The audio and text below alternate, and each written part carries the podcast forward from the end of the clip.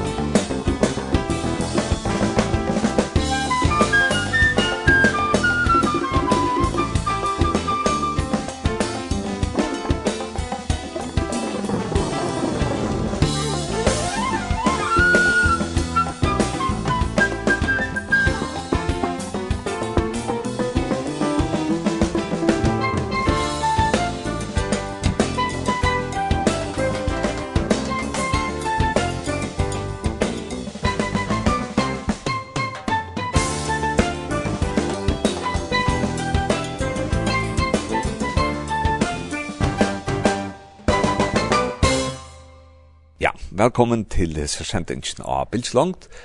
Og i dag er jeg starter i Hillerød, og er ferdig inn i en skola som heter Alterna.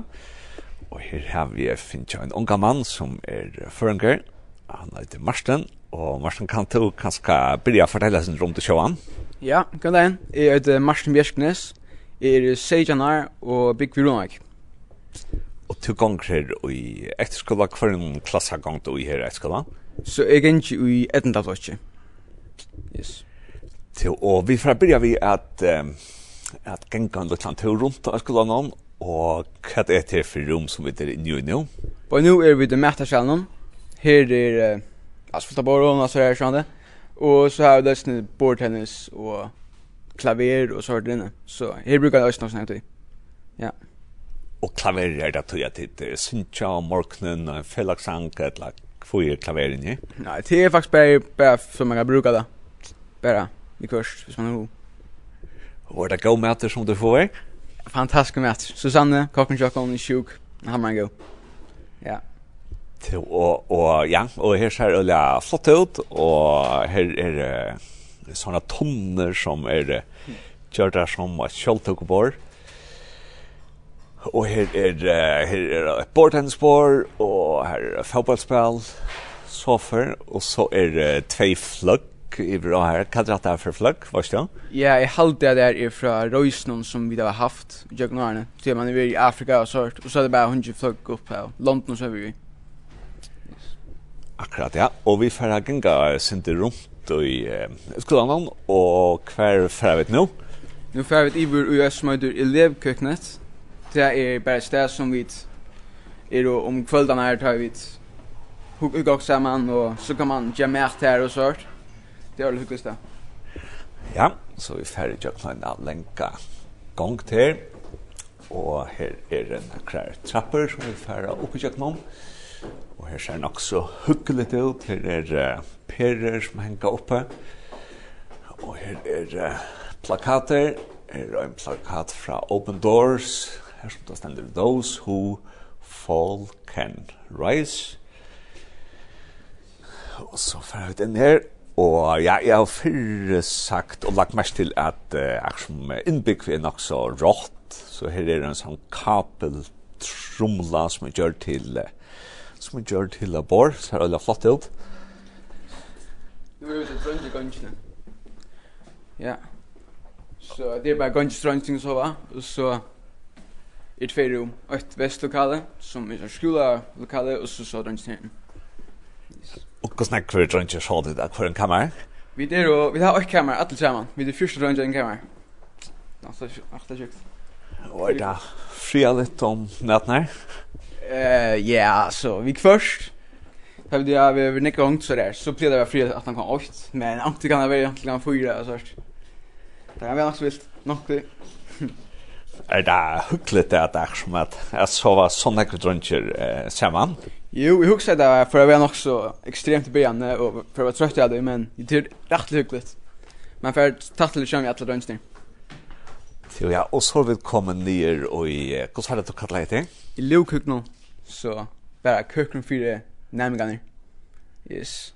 Og hva gjør det du i hessen rom rummet? Så om vi til dem så har jeg kjøpt nudler, eller own pizza eller så der, så har vi et own hairblant till att ge pizzan av det var kaffemaskino, og kettle og smoothie ma ger alltså. Hur ska det? Smoothie, shaker. og vi där køleskap, og friste friste skap til fristeskapslakon så vi kan gå tänka akkurat tänka i. Och ta seg at, då är det om kvällarna tar vi kanskje, høvskøkren er stangter, og, og det er ikke med inn her, så kom det være her på en, og, og hon hadde kommet noen kvalitet. Ja, akkurat, ja. Så för den här bara så man kan skrive sin svenger, kommer sin mest, och så kan man för här in så er det rum som är fullt av sofaen och sånt, Var det gott? godt. Her stendte så her er et annet rum, ja, her som det er sofer, og et uh, och og her, her stendte så omt undervisning är det bara ett gammalt skilt det eller är det alltid när undervisning in här? Nej, det är bara gammalt skilt. Ja. Ja. Ja, och här är det hon har ett stora soffor och atter här är kapeltrumlorna som är trumlorna som är gjort här till såna bor.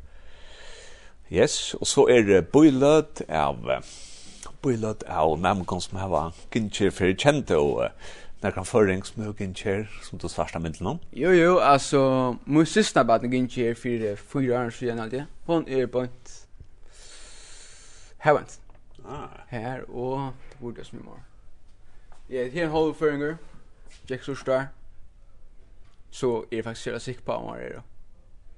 Hva snakker du for en garder er det som, som kan nå hette skolar? Jo, nu är det vid Gat två halver, for fotler och en lärare som är lärare. Okej. Okay. Så fem förringar. Ja. Så då släpper jag snacka förestånd där. Ja, det är dåligt. du är inte trött att du danska mannen. Ja, och så får jeg vite at att kan gå och göra. Kan gå och köpa någon sån här. Jag vet inte, det hva er Och for jeg vet nu?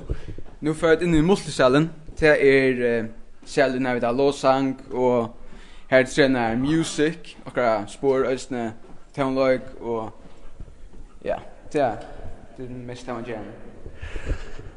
Ja, og jeg ser bygningene tar suttja nok så, rager ut og jeg etter nok så, og så etter betongkrum som er sinter, som er sinter, ja, tømt og rått, Og inni i salen her, her er atter sinter samme støyler, vi har noen betong og eh, patleren til så Europaplattar, Eh, ja, det ser faktiskt nog så hur ska man säga hyggligt och flott inbygg för så där. Mm, ja, akkurat. Ja.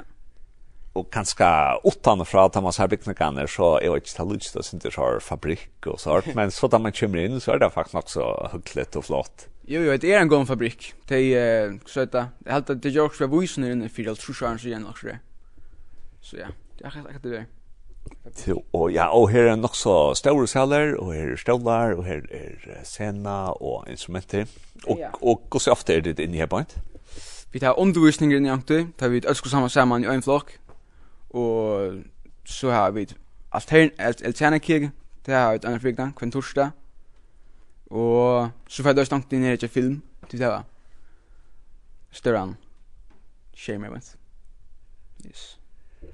Ja. Og ja, og ta sørste som ganske er slipper vi ut uh, hendagen. Ja, ja. Ja, og så hvis vi kanskje færre iver veien, og her attast, du ser noen her er så atter nekra sofer, her man kan sitte og hunda seg. Og så færre vi utanfor her, og vekker er faktisk øyla godt i det, så det er selv. Ja Og her er nok snakk för marsjen av forskjellige. Ja, det är möjligt. Här är det ser vi hundskoj checkpoint om sommaren, sommaren. Så har vi så stemmer kanske ball her på vi bunk bunk någon Så har vi en græsplan her på vi dankte utdragt og sprang till fotboll här på Og vi tar en street her här på Og basketballkurver og basketballbana og sånt. Og det är nog sån där bor og her er perer rundt om og blommor av någon så är det nog så hon alls sitter det här kanske hon kallt när det ser gott väder. Det är gott väder ja, så kan gå för en par fruter, men inte kallt det. Ja, var så vi för att uh, sätta oss in i kontoret tja. Tja, förståndaren och så får vi att prata listen du här. Ja, og nå er vi så kommer inn av kontoret til Forslandaren, og vi da har sett dere nere her, og vi tar gav oss stålere sitt i om varsin jeg husker i hvis du kan, kanskje kan fortelle hvordan fer en vanlig dag fram av skolen er bant? Yes, så fra madag til frutja det, så fer jeg opp eh, til morgenmøkken åtta, så han vil sjåna for opp. Det er så hørt. Nok så døyligt, ikke alt for tulja. Og så tar vi det ete, så fer vi av kammeret, så er det lukka rota, bare lukka røya sønnsna og så der. Så klarer han, og så klarer er det så tøyme, Och så till en block en blocker så tar sig en halv timme. Nej. Ja, och så där. En timme väntar något så där. Så är det som en förfriskning till bara en liten bara lyckas smaka smaka saker alltså bara lyckas att kluda. Och så timme matter. Och så äter vi. Och så har vi rengöring alltså vi gör rent i skolan. Och så är det 8 timmar. Det är en vanlig dag. Så att när det så är det bara man fru, gör det som man är till. Och så är det mätet klockan 5. Klockan 6. Till och mäten ger det han själv är ett lärda kockar som gjør det. Nej, vi vet en fantastisk kock som heter Susanne. Hon gjør det gammalt hver kvar Till och så är det akkurat kvar i fuck hur man och en sån någon skulle som heter och tog gång i Tudjinda. Nei, skilt at det var et ett annet. Ja. Så vi tar vad som heter teologi Det er bare om biblina og så hørt grunden nok snakka biblina. Og så har vi et spår der. Det er der man kan velge fag sjølver. Det kan være toneløg. Eh, som heter Uff, nå glemt alt. Eh, man kan være toneløg. Og hva til å tok kanskje av alt er det toneløg? Ja, av alt toneløg, ja. Og så er det så hørt et som er nok så utrøtt aktivt. Det er akkurat leadership, act leadership. Og man kunde ju spela drama, men det var for fast valgt det, så det var ikke snakka. Og man kunde ju serve, vet du. Det är att det fra ut till Köpenhamn. Christiania eller så där och jag mätt ut til fast kevent. Mhm. Till og, och ja, så så du sier om en vanlig enn det, og hvis vi tar tackar som et skoleår, er det noe spesielt som hender där som et jøkken kan disse skoleår? Jo, altså, vi det här var som det kom Kjelland till sort i nok så början Arnold så kom så lukka som uh, lev og aktivt av skolan så kommer kvart furs for bøtnalje av skolan og slå og sen akkon og så där och så hadde det så samt hem och som vi körde men altså vi blev en så här partiell lojer någon hus, och ta liksom lite smaksprova och på det som hände ända någon tar vi det att loj så eh leva. Det här blir så stora lever så gaff og så där det så slönar i Danmark och så ta ha ta vet och så som en reach out. Och ta är tränat eller någon tonlike och trena något drottning drama och så var det mange vi skulle få ut att uh, performa för uh, skolan och öron men er alldeles av corona och så har vi sjön det det bästa och det er røysene. det är först en sex veckor røysa till det blir vara Afrika eller Sydamerika eller Mellanamerika eller så där Og jeg var där bara med Amerika och Sydamerika. Det var till Honduras. Det var for en grupp för Honduras. Och hin för till Brasil och Paraguay. Och ja.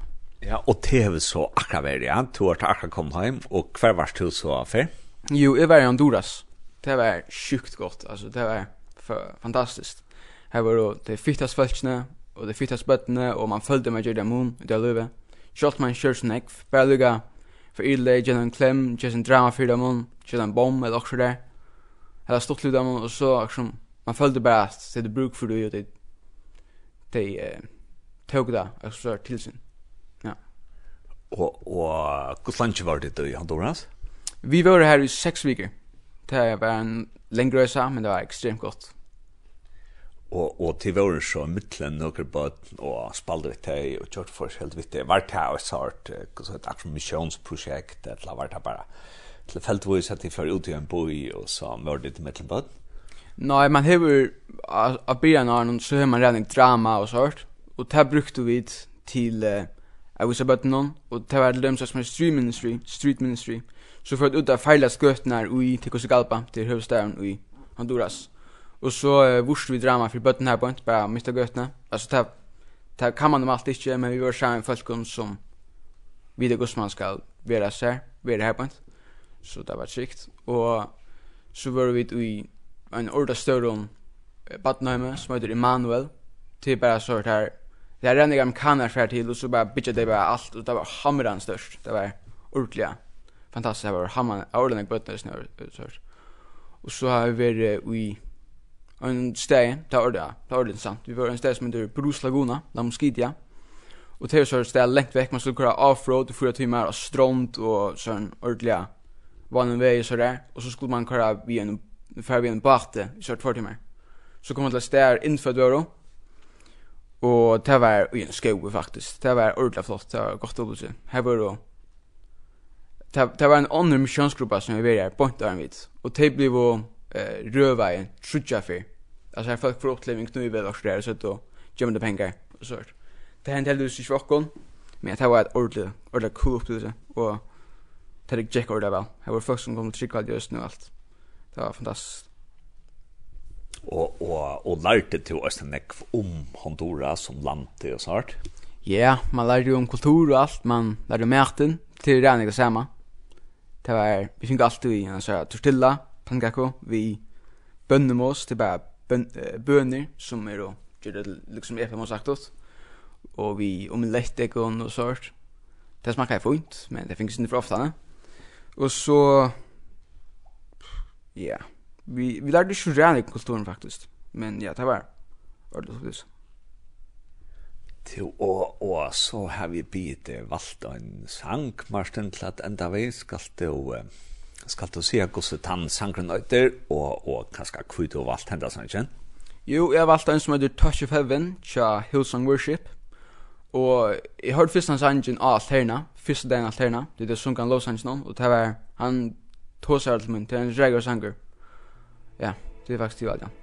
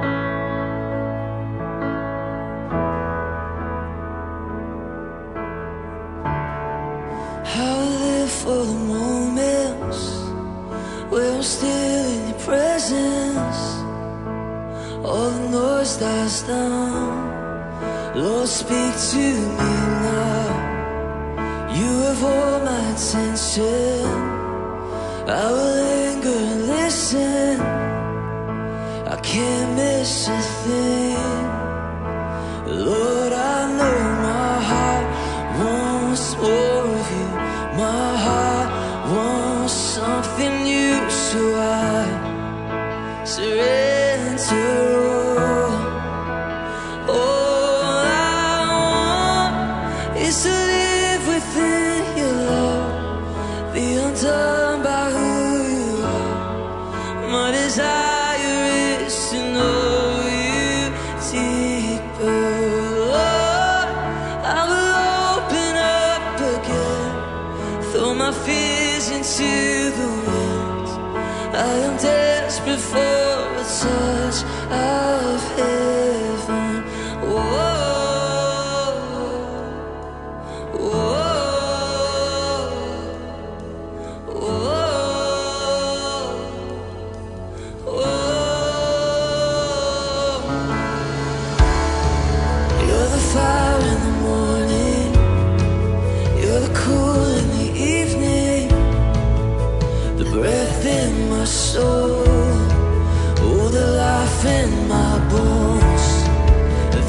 no hesitation In your love and affection. It's the sweetest I've heard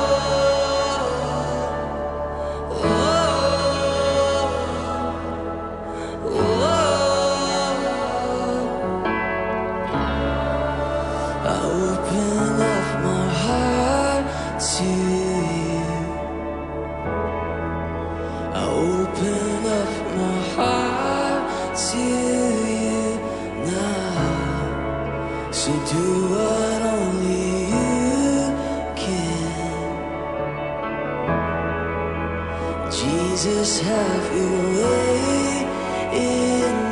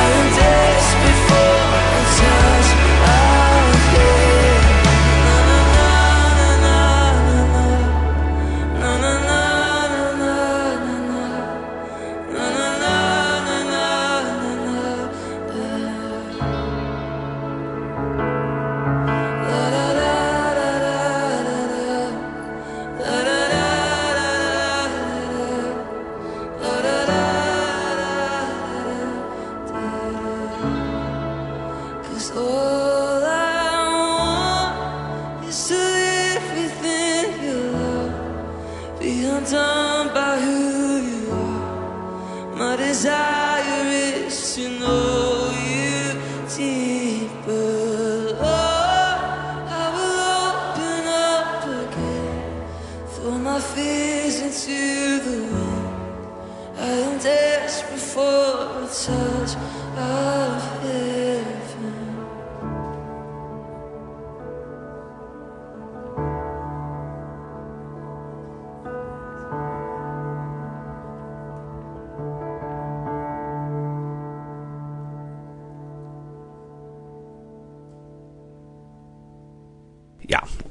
har nå finnet Evi Josinsen inn og jeg heter kontoret til forstanderen hans som heter Marsten Lysgård.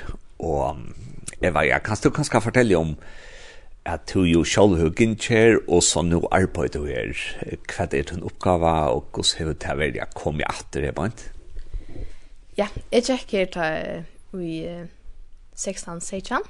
ta tar selv liv i nødkjenta, og, og var ordentlig glad for at jeg er her, og følte virkelig at jeg var givende, og så får jeg så hjemme etter vi tog de opplevelsene som jeg, jeg opplever, og, og ja, forstod det, det var jeg glad for det, men så husker jeg, nå vil jeg gjerne ha et sabbatsår, og hvordan kunne jeg lukke som, vill ta är ut vi onkel som var att det var ett meningsfullt där og och ta också jag dömde väl av Danmark och och fick några gå vink och hur dömde väl om som alternativa lucka som vet vet runt om unge alltså man själv nice ne Ehm um, och så också jag jag prövar så in och här eller fri och jag okej okay, prövar så in och så så slapp så in att arbeta här och heter som ett annat år.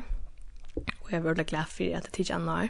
Ehm ja, mitt arbete är är en um, teamarbete i dansskolan som är en sån um, vi det är en sån mittenlig mittenlärare nämning. Eh vi det är sex ung som pick var skolan någon. Eh en gång för show och sånt där. Men här vill det som standa fyra nek att det är som daglig drift när jag skolan altså morgonvakt, kvällvakt alltså jag får det upp på sjönchen, får det ut sjönchen natter och standa för at trivna arbete nice näst vet om ett med at det er liv av undervisning eh liv vi ja så standa vidt for vi är samma vid dem och hon också samma vid dem och og skapa rum for altså sosiale aktiviteterna. Så ja, tilluga som primärs oppgaven och så har vi äsna, du vet, er i en reisehold, en reiseteam, her vi så, her er så her arbeider noen av som genton som er, er min reiseteam. Her er jeg har samtale ut der, og liksom fyllt ut dem i løpet av en året. Um, og lukka som rønner at facilitera en utvikling som det er kanskje ikke alle bare fyllt ut dem. Så det er i prinsippet, og jeg som bare hadde stolt, det er jeg som er derfor.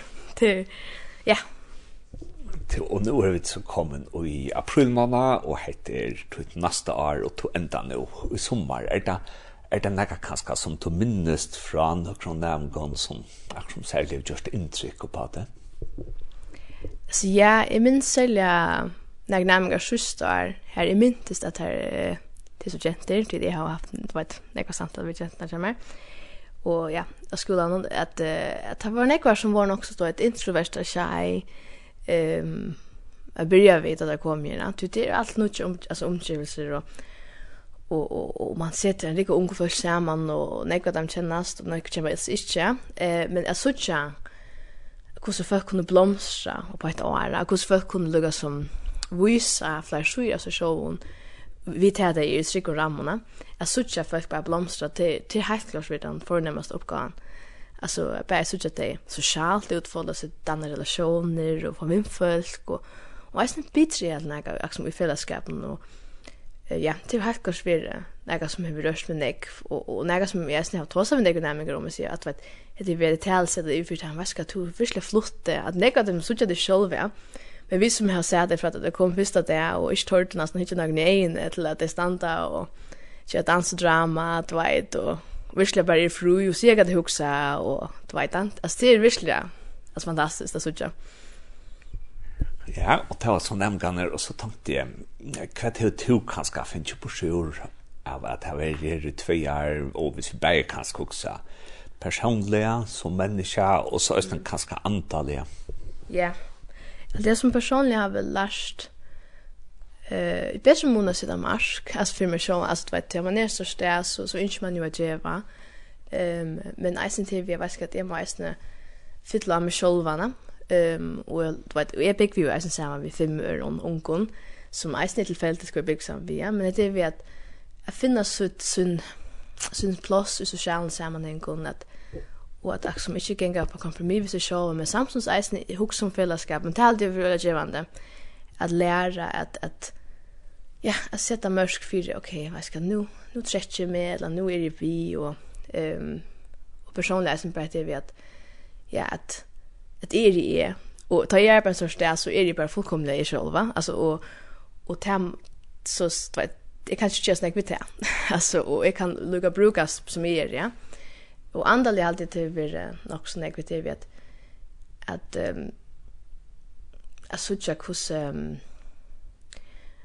alltså hur skog kan viska alltså god är ofta nästa större än vid lät han vara och och och vi tar ofta hotla sig att god är en bas att så är viska god och så är det där så ska det vara men det är vi också faktiskt såg meskarna ena alltså att att lumsa knyta bond vid nämingar och mestja god är sen tala och vi samtal man kan hava vi alltså vi nämningar och och också om mer så god vi ska ta hem och nice ja. Och sen kanske det alltid väl vid den om det att det har alltid varit det största uppleva att god är next att ja next större än en vid ofta tjän till och han rumar nek mer än ofta vid lövorna vid inte ju hava vita hur så var det allt är det och och bara öppen för tog jag nu eisen till utfordring som tätje alltså rumar och sin tankar att vad ska god så är större och ja, det er alltid vi kanskje vil det som jeg har hoksa nek om jeg er og syster. God to er større enn ofte det som vi løyver der å være, men, men hvordan, og hvordan rummer vi tog, vi tog, ta med avbjøring og ta med en fantastisk opplysning, det er som kommer over styrt tog, ja. Ja. Og i stedet skolen han, så er stedet kjent vi at man fer tver lenka ferer øyna til Europa, og så øyna langere ut i høyem. Hva er det så tynn oppgave å ta i? Hva er det ferien her, er det? Så ja, uh, med en skolare vi er, så har vi er og, og en annan lærer og hinne til å teamarbeiderne. Vi tar var steg fire at, at undervise drama. Men annars så her har vi haft og begynne å lære at det er dramastikken som det skulle ut og framføre uh, for folk ut i heimen. Men min oppgave av reisene er, er at ståle punkter min, min teamleder, um, som slik som er samskipere altså, fire, fire feriene. Um, men altså, du vet, att lära sig program, okej, okay, nu färra vi ut vi har slung kvarter, okej, okay, vad är det för stitch vi inte att, att framföra och, och du vet, och lukkar som eisen hava kontakt med nämningarna i løpjar eisen, det er min fornemmast oppgave. Jeg har puls, fingra någon. Alltså, hver är det, Och är det pressa, eller är det, Är det här det ivskåd? Och hver kunde vi, hver kunne vi utfordra, hver kunne vi, ja, men, hva så ikke gjør det her, hva så ikke, det er litt vitspor, eller, altså du vet, jeg som prøver mest etter til oppgaven, helt klart reisene, Och så kör han det. Alla styr på att ställa folk i tvära och onkel ska gänga attas, onkel ska gänga främst och så. Det, det är som praktiskt, va men, eh, men primärt det är vi att, att ha kontakt med närmare. Det är min uppgåva resten. Och så är det jag skulle gå i minister att men men det är också vi att det är ut av verksamhetspraktik att lag skört och när för Maria. Eh, under det arbetsperiod Ja. Jag tar för hem arbeta. Eh, en halv månad og tar vi jo ikke av skolen, at tar jeg nærmere ikke av skolen, mener jeg. Uh, tar jeg er tar jeg vidt rundt uh, noe som heter Pray Zone, det er det som er i førjen. Um, her uh, er og Marsten og flere andre starfolk, um, eller det var de som er starfolk, tar det tar året færre ut og, og vi ikke samkommer og lukker som ikke gjør etter til samkommer som, som er i nekveforbund for skolen og eisen sender nærmere til det, så at jeg ikke gjør etter så säger du så säger du tar också med att kyrkopraktik och sen säger du det. Ja, det är något som vi får börja på nu här. Det är något som vi då gör det ta. ta jag tycker att man man um, sånne det är liksom man är väl vi för kyrka ganska i Danmark kallar man det gå i kyrka. Vi ser fram emot det. För jag men ja, nu ser jag bara så får man kyrka här. Ehm och och men det som vi nästan inte jag nämner är sen det är också och är vad det kan äsna til rum for at jeg kan bidra i som fellesskapen. Så det som vi ofte gjør mulighet for nå, så er at uh, man er fordelt ut av når samkommer, og så stent man for å hjelpe til. Det kan være i teknikken, eller man kan skrive av å være prøve ved Los Angeles, eller vi i någon eller vi har møteverser. Altså, så slipper nærmengene å prøve til, ja. Ja, og i noen kyrkjen som det ikke er vanlig å være i, kanskje selv, ja, men så kanskje få det tilknyttet til, til at jag tilltade kyrkan eller till rollerna. Och så kunde jag tacka det vid hem. Och kunde bruka till honom och säga, jag vet inte, jag inte väl över i bönekirken. Så ja, ta lige en smut i barnekirken i dag. alltså, du vet det. Ja. Och hur tog några oppgave i samband med det här eh, kyrkjepraktik? Nej, inte, alltså, inte som så. Utöver att, att, att um, vi vet dem. Och, och lugga som stod dem ute, ja. Ja, Og så til aller sjukt så har vi bitt eh, valgt en sang som vi får spela nå, og skal du kanskje fortelle kan sang du har valgt, og se sin rom hva du har valgt, ta sangen? Ja, jeg har valgt en sang som heter Meet Your Maker, by Halde John Mark Montana, Arjan Pantana. Um, ja, det snur seg faktisk om en mann som, som synger om etter vi at uh, man ofta kan føla møye, eller man kan... Uh, vera sarger, men, men at, at Jesus er den minst religiøse personen vi kunne møta, altså, men at, at god innskyld, vi skulle bare møta alltså honna Meet Your Maker så synger hon ju här Meet Your Maker Smiling Bright.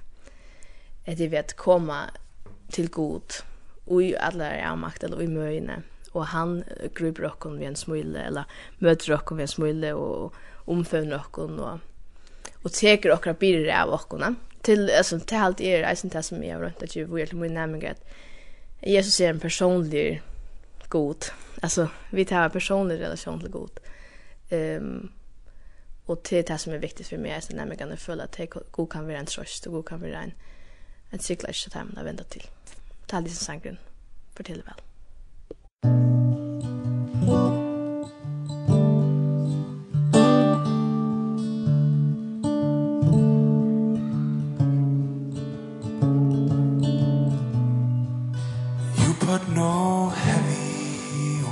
song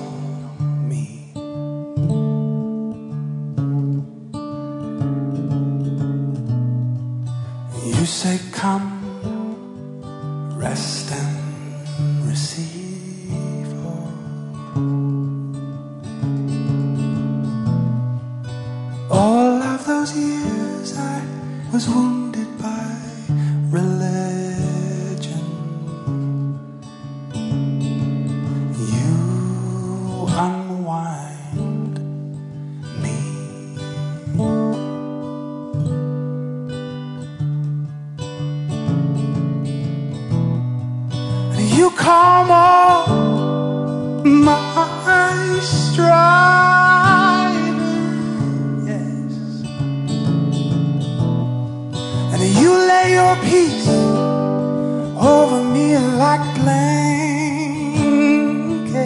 on yeah and you put an end to my pretending show. You are the least religious person that I know.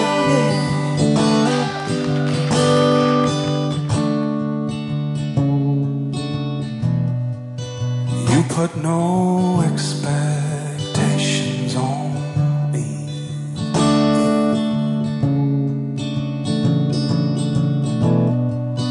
You say son I just I want you free.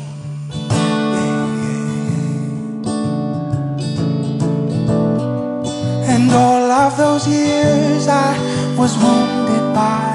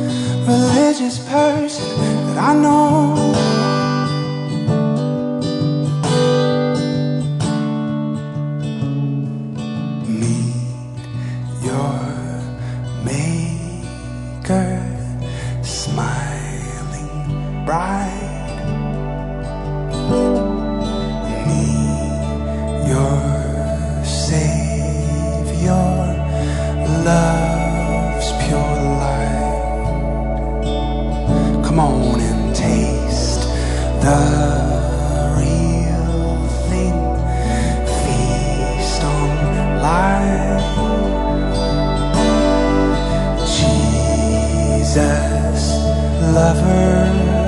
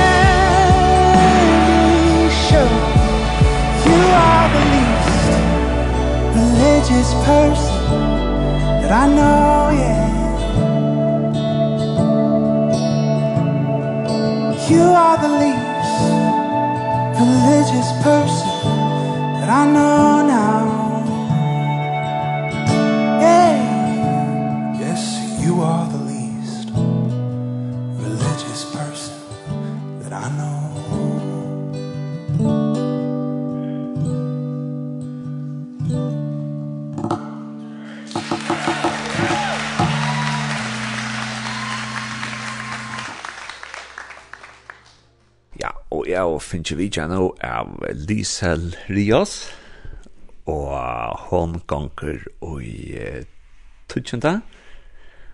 Og ja, og vi færa først at tåsa om at de, som en parst av skolearnon, så er de ute i noen arbeidsplasser, og vi får snakke om hver to varst, Liesel, hver, hver varst til å ta det her arbeidsperioden.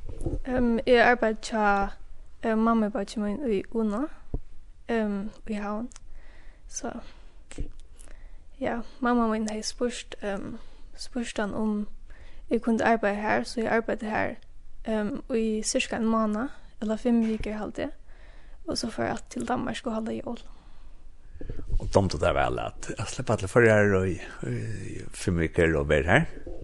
Ja, jeg dømte det vel. Altså, det følte seg som heim, til det var så lunge, og om og opp min er, så altså, jeg er alltid velkommen til at jeg og sånt.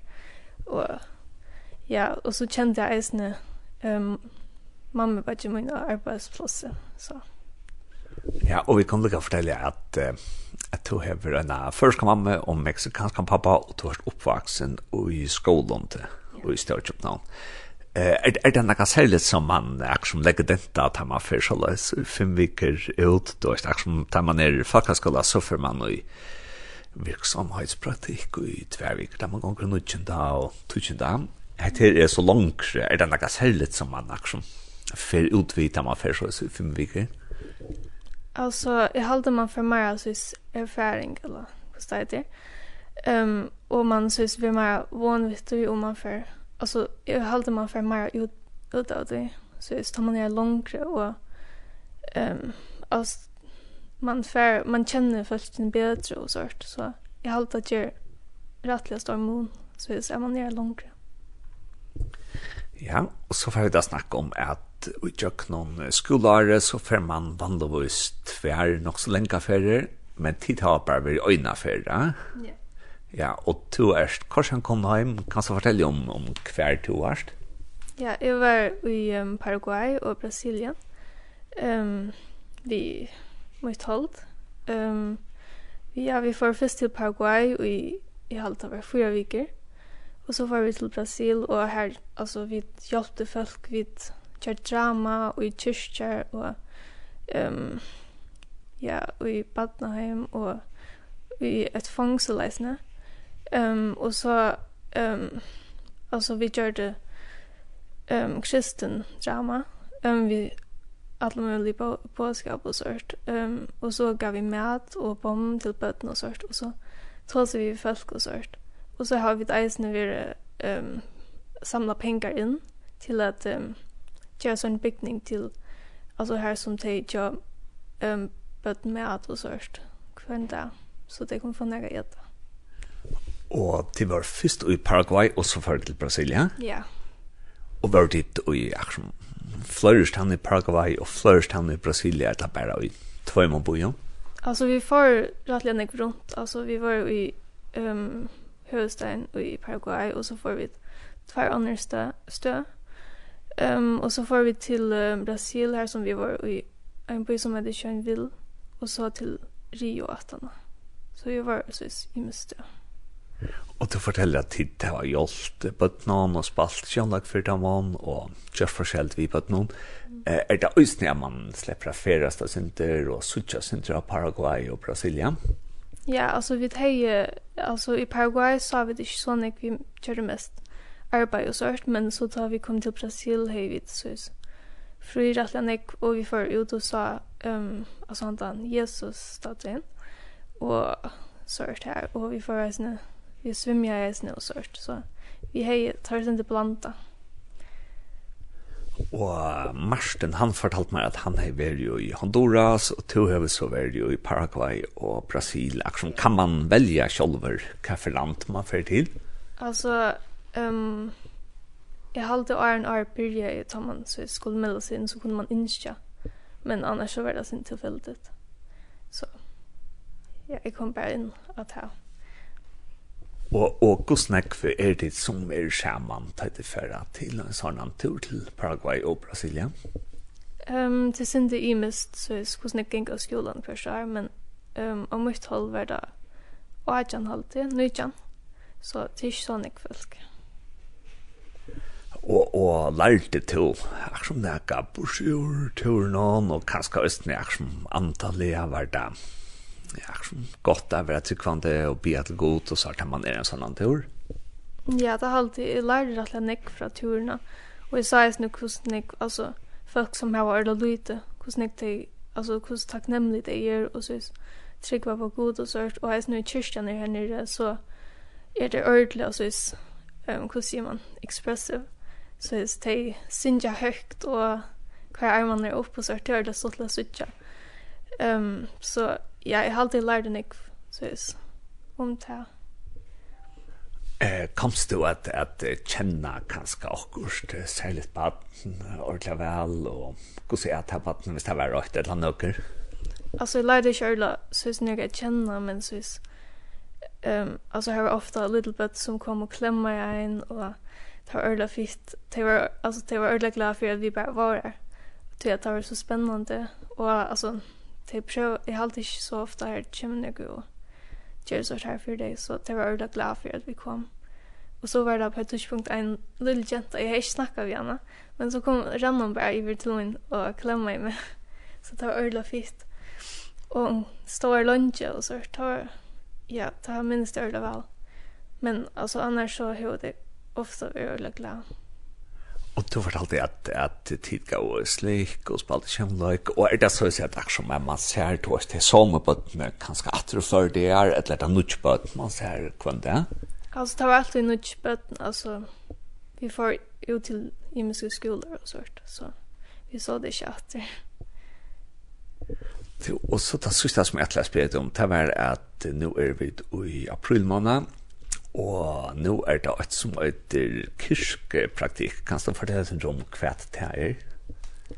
Altså, det er bare altså, um, altså atlan skolan, de kan velja mellom tvær um, kyrkjer, at um, så er arbeid, eller så er frivilligt arbeid i. Og så kan vi læra um, i mest om hvordan man, altså hvordan en kyrkja fungerer og sånt. Og um, så kan vi velja så vi ska få ett område vi vill hjälpa till i alltså om vi vill hjälpa vi lilla bötten eller vi att så vi tar teknisk tar tekniska eller jag vet inte alltså tack vare ja tonlag och sånt allt möjligt.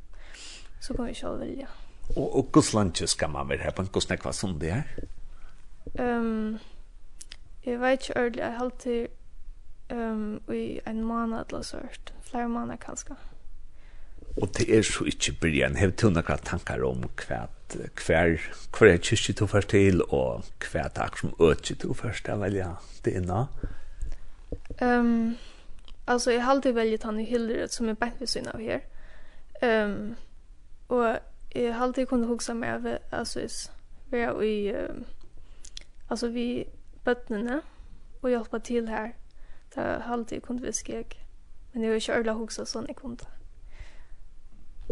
Jo, og så til søgna så har vi bitt eh, valgt en sang. Hva det er for sang som du har valgt som vi får spela an om? Um, det er en sang som heter Waymaker. Um, ja, jeg heldig bare han er veldig god, og ja, sen, altså, det er sier noen viktige ting og sånt.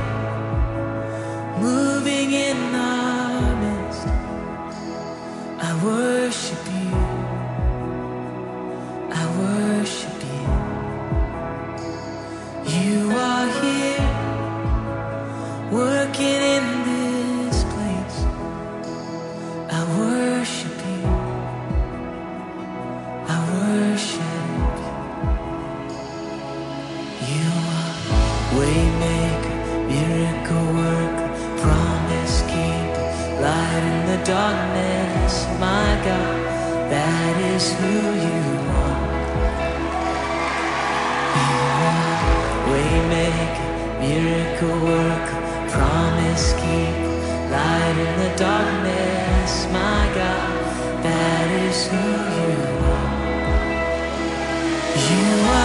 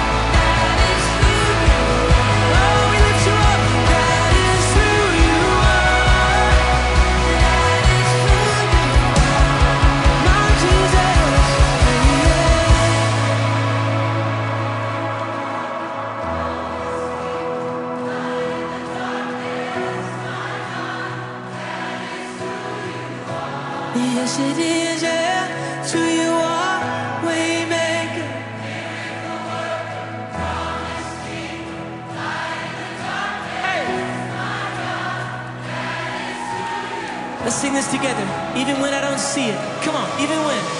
Even when I don't see it You're working. Even when I don't feel it You're working. You never stop You never stop working. You never stop You never stop working. Come on. Even when I don't see it You're working. Even when I don't feel it You're working. You never stop You never stop working. You never stop, you never stop.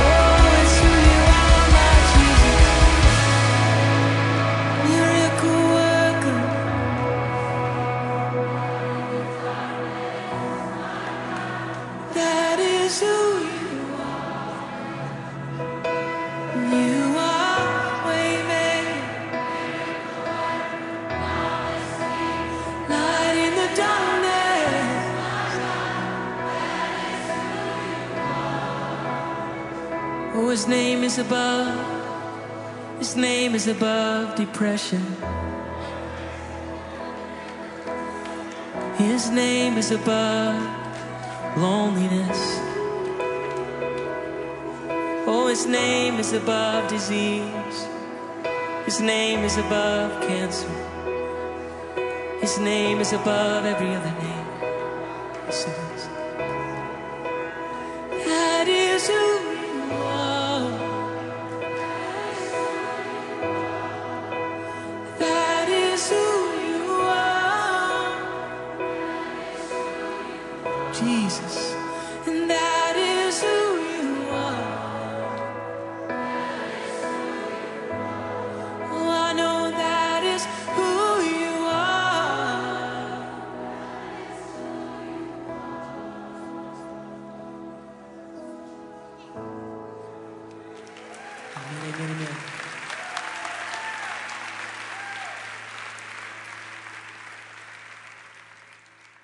jeg er så kommet inn på skolelederens kontor, og det er et stort kontor, og ja, det ligner sånn litt rått. Det er en uh, lyskabel, uh, som er blevet lavet om til et bord, og det er en uh, lampe fra et eller andet gammelt landbrug, halløj. Og et stort rum, og her har jeg så skolelederen, som hedder Martin uh, Lysgaard. Och Martin, jag tänkte först om om det är någon, nu har du været leder här i, var det fire år eller sådan noget? Ja, fire år, det är rigtigt. Og så tænkte jeg, om der er nogle bestemte historier om tidligere elever, som, som du husker ligesom klart, hvor de er blevet berørt af Gud under et sådan et øh, skoleophold, som har været her. Jamen det er der, og det er jo... Øh når du spørger om det, så, så øh, løber der jo øh, ansigter forbi øh, hovedet på en, fordi man har haft så mange unge mennesker igennem. Øh, men jeg har, øh, jeg har to, som jeg... Øh, som jeg særlig kommer til at tænke på. Ehm og det er egentlig ikke sådan konkrete Guds oplevelser øh, i et øjeblik, men det er den her proces Gud har haft med dem over over året øh, og hvordan at øh, at de så måske har betroet sig øh, senere, ligesom sagt, det her det har gjort en afgørende forskel for mig i min øh, Guds relation. Øhm, og vi havde, øh, det er særligt en dreng, vi havde for nogle år siden, øh, som egentlig kom ind på skolen på en... Øh, han kom, øh, han blev optaget på skolen nærmest dagen før vi skulle starte. Øh, så det er faktisk den eneste elev, jeg ikke har haft optagelsessamtale med. Øh, men, så han startede, og vi snakkede om, at han skulle til en samtale efterfølgende, men det kom han aldrig. Øh, og øh, på hans... Øh, på hans bluse fra en anden efterskole, så stod der øh, øh, tit på efterskoler, så har man, så har man bluser på med kælenavn og så videre. Og der var hans kælenavn, det var første tænker. Øh, så han var på sin gamle efterskole, var han den første, der var blevet sendt hjem på tænker. Øh, og det var lidt hans øh, attitude, da han kom her. At han, du ved, han havde lidt en hårdhed omkring sig, og, øh, og der var ikke nogen, der sådan lige skulle fortælle ham, hvordan, øh, hvordan skabet skulle stå. Jeg skal lige forstå. Så ja. den første tænker, ja. hvad betyder det? Øh, på efterskoler kan der være sådan, at hvis ikke hvis ikke man opfører sig ordentligt, hvis man laver for meget ballade, øh, så er der nogle efterskoler, som har øh, kutume med at sende hjem på en tænker. Så du kommer hjem i en uge og skal tænke over, om du har lyst til at komme tilbage. Det er en tænker. Øh, vi har faktisk ikke haft nogen på tænker her på Alterna de sidste fire år. Øh, det bruger vi ikke. Øh, Ikke at der ikke er konsekvenser for ting, det kan der sagtens være, men, men øh, jeg synes ikke, det er en, det er en, det er en, øh, en brugbar metode. Men, øh, men øh, fyren her, han havde i hvert fald, hans kælenavn, det var første tænker. Øh, og det var den attitude, han ligesom kom på. Øh, og der er min oplevelse, at, at han igennem året ved at, øh, at møde vores medarbejdere og, og, øh, og ligesom... Øh, øh, give slip på kampen med andre mennesker, og måske også kampen med Gud, lige så stille, så blev han afmonteret øh, i hans forventning til Gud, øh, som måske var øh, båret af netop det her konsekvensfyldte. Du ved, hvis man har været en dreng, der ikke har kunne sidde stille, hvis man har været en dreng, der har, har været lidt flabet og, og rap i munden, jamen så har man måske også oplevet at få den her hårdhed øh, i mødet med andre mennesker. Øh, og jeg tror faktisk også, at, at han har taget den over på, på gudsmødet, at Gud godt kunne være sådan en konsekvensfuld, øh, øh, sådan lidt øh, distanceret, hård skikkelse. Øh, men jeg ved, at, at det blev afmonteret for ham øh, i, i løbet af det år, han var på skolen. Øh, og jeg ved, at han står efterfølgende øh, med et andet syn på sig selv. Med et andet gudsbillede. At han faktisk tør at kigge sig selv i spejlet og kan se, at, at, øh, det er ikke den her hårde Gud, der kigger på ham, men det er, det er hans kærlige far, øh, som vil ham alt det bedste, og som er klar til at gå til verdens ende øh, for ham. Øh, og jeg ved, han også lever videre med den identitet nu. Øh, så det er en kæmpe øh, oplevelse for mig at fortælle øh, om, om ham her fyren. Ja. Og, og det er vel også det, som er det gode ved sådan en, en skole som den her, at I har jo folk i hvert fald et år, ikke? så I kan se en udvikling, som de går igennem. Ja, lige præcis. Altså det er den lange vandring, det er den der er, vi har jo også aftener, øh lovsangsaftener, bønneaftener, vi har samtaler, vi har øh de her ting hvor man sådan der kan du godt få nogle efterretninger om om ting som sker i nuet. Men for os at se den der udvikling der sker over lang tid, afmonteringen er noget, som kan være uvaner, øh, og, og det, at man tager, tager noget ind, som kan blive gode vaner, som kan blive gode rutiner, og samtidig med, at det er åndsfyldt, og det ligesom er, er, er fordret af Gud, øh, det er en enorm smuk øh, jagttagelse. Ja. Og så tænkte jeg, at det var så en historie om en af eleverne, der har gået her, og så tænkte jeg på dig, om du har været ude på en tænker, jeg har faktisk ikke været hjemme på en tænker. Øh, min far han sagde, da jeg selv gik på efterskole, så sagde min far, hvis du kommer hjem på en tænker, så får du en, øh, en tandbørste, og skal gøre alle vinduer rene i hele huset. Det bliver ikke en ferie, sagde han. Øh, så jeg afholdt mig fra at komme på tænker. Øh. ja, det var sagt det, jeg skulle spørge om. Men, men jeg skulle spørge om, om hvad du så selv har fået ud af at være skoleleder. Så nu har du været det her i fire år. Ja. Yeah. Hvad, hvad har du sådan både personligt og åndeligt fået ud af at være skoleleder på en sådan en alternativ skole? Jamen, jeg synes, det går lidt hånd i hånd, øh, det personlige og det åndelige. Øh, jeg har fået det ud af det, at jeg kan se, at jeg får lov at gøre en forskel øh, for, for mennesker. Jeg får lov at gøre en forskel for mine medarbejdere i det daglige. Øh, får lov at gøre en forskel på vores elever øh, i, der, i deres øh, rejse. Øh, og jeg kan se, at, at, at Gud giver os øh, lov til at være eksempler øh, for, hvordan man både kan gøre, men også øh, at, at have den her ærlige atmosfære i, at vi, vi kan også fortælle om, om ting, som, som kan være svære, og som, altså, vi kan være transparente mennesker over for hinanden. Øh, det er i hvert fald noget, som jeg... Øh, som jeg virkelig prøver at øh, og udleve den her transparens. Øh, de ser mig jo øh, hele dagen, de ser mig også i weekenderne, de ser mig også øh, om aftenen, og vi kan ikke spille skuespil for hinanden 24 timer i døgnet. Så så så vi får øh, lov at være ærlige mennesker over for hinanden, og det at kunne give det ind i unge mennesker, synes jeg giver øh, rigtig meget tilbage. Ehm det er en kæmpe gave at kunne få lov at at, at vandre med folk. Ehm det det er virkelig noget jeg får personligt noget ud af. Ehm Og det er jo så lidt på den åndelige dimension. Jeg har måttet øh, erkende Guds kald over mit liv. Øh, det tænker jeg er en åndelig proces, som, som jeg har øh, øh, ligesom måttet acceptere. Man kan godt nogle gange stå som mennesker og så sige, ah, det kan jeg ikke, eller det er jeg ikke den rette til, eller hvem er jeg og skulle være skoleleder, eller på den måde kan man jo tale sig selv ned, øh, og det tror jeg, jeg måske har haft tendens til i mit liv. Men det der med en åndelig proces, hvor Gud han ligesom siger, du er nødt til at acceptere det mandat, jeg lægger hos dig i forhold til at lede og at vandre med mennesker. Øh, det, det, det lægger jeg i dig, og jeg giver dig den udrustning, du har brug for. Øh, og det har jeg oplevet øh, at, at, at få øh, at, at få lov at lykkes i. Øh, så det har været en meget, meget stor åndelig velsignelse for mig. Ja. Og, og, og føler du, du er færdig der med at acceptere dig som som skoleleder og så ham som ham der går forrest eller at det noget som du stadigvæk er i proces med Gud. Ja, men det det tror jeg er en øh, en ongoing proces. Øh, jo mere man på en eller anden måde øh, overgiver sig til til til den plan Gud lægger i vores hjerter, så tror jeg også der kommer flere og flere dimensioner, øh, hjørner og undersøge i det mandat. Øh, og i den i den øh, åndelige bevægelse, også i den åndelige kamp der nogle gange. Jeg synes vi står i en vild situation øh, i i i den tid vi lever i nu. Øh, som kristne så står vi i en tid hvor at det kan være rigtig svært egentlig at være øh, kristen, udtrykke sig, udtrykke sin tro, stå på mål for sin tro.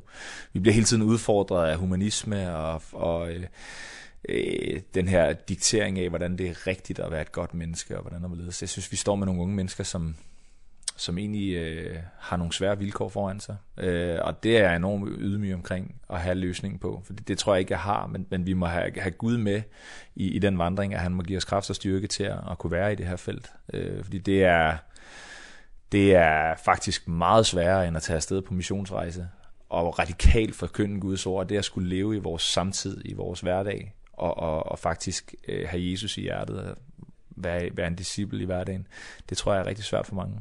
Øhm, så det leder vi efter øh, hele tiden efter nye og, og bedre måder at, at give eleverne redskaber på. Ja. Og så tænkte jeg liksom at zoome ind, er der en, en oplevelse med Gud, som måske står dig særligt klart som skoleleder? Ja, og den er faktisk ikke særlig gammel. Øh, vores elever nu her, de har lige været ude på 6 ugers rejse, øh, og det er en stor ting for os, fordi vi på grund af corona har været øh, afholdt for at rejse i to år. Så øh, øh, vi tog øh, tre uger inde i januar måned tog vi en beslutning om, nu går vi efter de her rejser. På trods af corona, så går vi efter at kunne gøre det, øh, og det lykkedes. Øh, men vores elever har også helt naturligt, tror jeg, haft en skepsis omkring, øh, kan det her nu lade sig gøre? Fordi de har oplevet de sidste år mange aflysninger på grund af corona, øh, så, så den her tillid til, om ting sker eller ikke sker, den har været stor, eller mistillid. Øh, Og derfor var vi også lidt spændte på, hvordan de ville gribe øh, opgaven og skulle afsted i seks uger. Det, det er en massiv rejse, det er en stor udfordring. Og, og der stod vi bare, øh, vi holdt en udsendelsesfest, og vi ville rigtig gerne bede for eleverne, vi ville gerne profitere over dem, vi ville gerne sende dem afsted øh, med, med, med helgeren øh, i, i, i bagagen.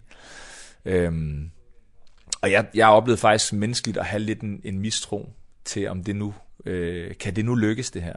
kan kan kan den her gruppe af elever nu få den her øh, den her forestil dig en katapult vi sender dem afsted med med en kraft og en energi til at tage ud og gøre en forskel og møde mennesker med med ordet om Jesus. Og der tog Gud bare øh, og vente fuldstændig på en tallerken og gav bare en fantastisk aften. Øh, ud af kontekst, ingen mistillid, fuld åbenhed, øh, ord og billeder, bøn, elever som bærer, lærere som bærer og profiterer over, øh, over de her fantastiske unge mennesker, som bare er så... Øh, de er jo bare så unge og rene øh, og uerfarne. Øh, så det var enormt smukt at så se, hvordan vores mistro til setup'et, som vi egentlig selv faciliterede, den blev øh, ligesom understøttet af Gud, som siger, prøv her, det skal I ikke være nervøse for. Jeg har styr på det her jeg sender dem afsted, og de kommer afsted på en god måde. Og, og på samme måde har vi fået dem hjem. Men, men, øh, med en stor portion af, af en kæmpe åndelig dimension. En helt anden gnist i deres øjne, end, end, end før de tog afsted. Så, så det er en meget, meget nylig oplevelse for mig, som bare bekræfter, at Gud er, er med, og Gud faciliterer. Og selvom vi som mennesker måske har skepsis, så, øh, så tvivler Gud ikke. Fordi han har lagt en plan, han skal nok gennemføre den plan. Ja. Ja, og så tenkte jeg at spørge deg litt mer sånn konkret om skolen, og nu har jeg snakket tidligere med to færøske elever og en færøsk medarbeider. Ja. Og jeg tenkte fra en skoleleders position, hvis du skal snakke litt mer overordnet, hva er liksom målet med, med skolen, alt det Jamen det er jo at give øh, unge, som er motiveret for at øh, udforske deres relation til Gud, motiveret for at gøre en forskel for andre mennesker, motiveret for at være i udvikling og i dannelse. Det er at give dem en ramme at gøre det her i. Øh, vi er jo en prøvefri efterskole, vi har ikke faglige fag, men vi har dannelsesfag og udviklingsfag, vi har trosfag. Øh, og det vigtigste for os at give, det er jo praktik for at kunne... De skal ikke kunne komme hjem fra Alternas og sige, vi har lært en masse om det her de skal gerne komme hjem fra Alterna og sige, vi har faktisk prøvet, alt det vi har lært, har vi fået lov at prøve i praksis. Så det er faktisk vores målsætning, at se elever have prøvet tingene af, og fundet ud af, om det lykkes eller om det ikke lykkes, og så på en eller anden måde, så, så har de en erfaring i, hvordan øh, udlever vi tro, hvordan udlever vi det at gøre en forskel, hvordan udlever vi det at være et fællesskab, et bæredygtigt fællesskab, hvordan udlever vi at skabe en god kultur, øh, opbyggende kultur omkring hinanden. Ehm det har de prøvet i praksis, og derfor så kan de også tage det med ind i de nye settings, de kommer i efter efterskolen. Ehm så, så det er den måde, vi, vi målsætter at se forvandling i eleverne på. Ja. Eh og så er det en færøsk radiostation så så hvad med færinger har I haft mange færøske elever og liksom hvad hvad, hvad tænker du om at have færøske elever her? Jamen det har vi hver eneste år har vi er vi så heldige at have færøske elever og faktisk hver eneste år tager vi også til Færøerne øh, som medarbejdere i i vores arbejdsperiode, det kan jeg forklare øh, bagefter. Men øh, vi vi er meget meget glade for at have færøske elever. Ehm øh, vi oplever at øh, at det giver en god øh, det bidrager med noget positivt til vores fællesskab. Øh, man kan sige, der er jo rigtig mange ligheder mellem færøske og, og danske unge, men der er også mange forskelle. Der er også en stor kulturforskel, og det tror jeg, vi ser som en berigelse, det her med, at vi kan, kan give hinanden noget for de forskellige kontekster, vi kommer i. Ehm og så efter jeg har startet her så så har jeg selv oplevet Færøerne. Jeg synes det det er et helt fantastisk smukt øh sted og, og, og jeg synes, der er nogle dybder, øh, som vi godt kan savne i det danske, som, som vores færøske elever de øh, repræsenterer. Øh, så, så det er vi meget, meget, meget glade for, og, og ønsker fortsat, og have, det har vi også til næste år optaget færøske elever. Ja. Og, og hvis der måske er nogle færøske forældre, der sidder og lytter, og de tænker, uh, det er lidt langt at sende mine børn til Hillerød. Hvad, ja. hvad ligesom tænker du så som skoleleder, hvis du har en samtale med færøske forældre? forældre? Ja, men det er rigtigt. Øh, der, er, der er langt, men altså, vi lever jo i, øh, i en verden, som som øh, på mange måder er, er blevet mindre både med med de digitale medier og også med med fly og så videre. Altså vi er jo 40 minutter fra fra Københavns lufthavn. Øh, så så det fungerer faktisk fint. Mange færøske elever, de har relationer i Danmark, som de besøger i friweekender og så videre. Men mange, hvis de har behov for det, så tager de også hjem på en forlænget weekend, fordi det kan godt lade sig gøre. Øh, men vi oplever også den her, det synes jeg faktisk er et, at et, et, et, et færøsk kvalitetsstempel. Der er en stor nød for øh, ens børns velbefindende. Vi har meget aktive færøske forældre, som går op i, om deres børn trives. Øh, og, og selvfølgelig er det en stor beslutning at sende sine børn øh, afsted øh, på den distance, som der er mellem Danmark og Færøerne. Men, men vi har rigtig gode erfaringer med det. Øh, og særligt det her, der er et kæmpe netværk af folk, øh, som har boet på Færøerne, er gift med færinge. Øh, og, og på den måde så har mange relationer i nærheden, øh, som, som de kan trække på, øh, hvis de føler, at der, at der, at der er langt hjem. Ja. Ja, og så til sidst, Martin, så har jeg bedt dig at vælge en, en sang, og siger dig tak for snakken. Og ja, skal du præsentere sangen, og så også måske sige noget om, hvorfor du har, du har valgt den ja. sang, som du har valgt? Det vil jeg rigtig gerne. Det er en sang, der hedder The Road, The Rocks and The Weeds, øh, med, med en kunstner, som hedder John Mark McMillan. Øh, jeg er selv øh, sanger, øh, guitarist og lovsangsleder, og, og ham her, øh, han har fyldt rigtig meget i mit øh, i mit musikkartotek i mange år. Men særligt den her sang, øh, den handler egentlig om om den her øh, øh, kæmpe sort af amerikanske græntræer. Det er sådan nogle kæmpe træer, du kan køre igennem. Øh, Sequoias, tror jeg, de hedder. Øh, hvor han egentlig sådan synger om det her med, skal jeg plante noget nu, som er så lang tid om at vokse sig til sit fulde potentiale, at jeg ikke selv når at opleve det. Skal jeg så være egoistisk og, og ikke gide at plante det her?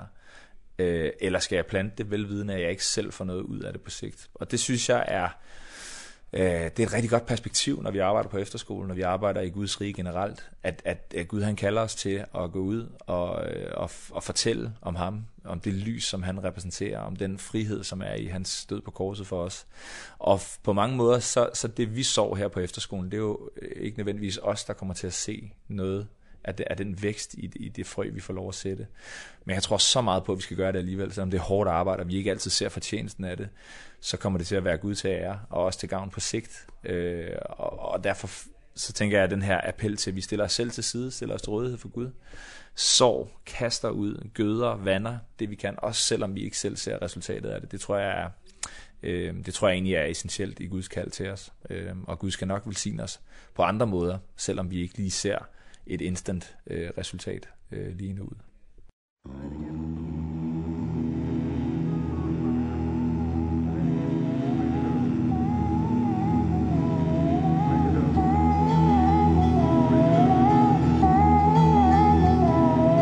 Come down from the stars Show your human scars Tell me what it's like to believe room I cries haunted thoughts that the losses you bought. Are the nights that you peopled with your dreams. Well I've got no answers for heartbreaks or cancers But a savior who suffers them with me. Singing goodbye Olympus, the heart of my maker spread out on the road the rocks and the weeds.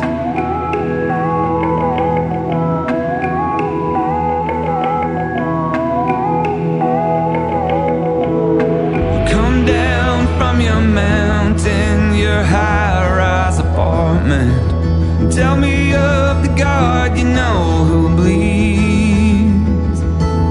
What to tell my daughter when she has so many questions and I failed to feel her heaviness with peace. Well I've got no answers for hurt needs or cancers But a savior who suffers them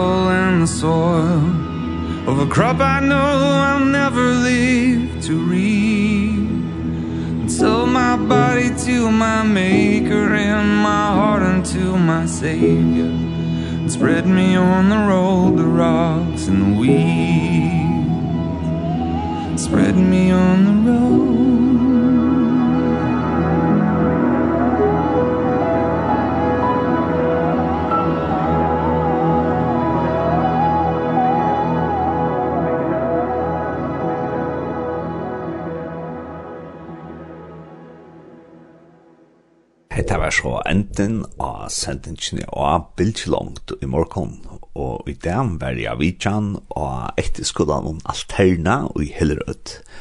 Og hvis du vil ha mer vidt om enn denne i skolan, så kan du få inn av heimasyna, og hun øyter alterna.no. No. Ja, og henta sendingen vil så enda sendt i kvöld klokka 19.30 og i natt klokka 4. Have en gåan dag.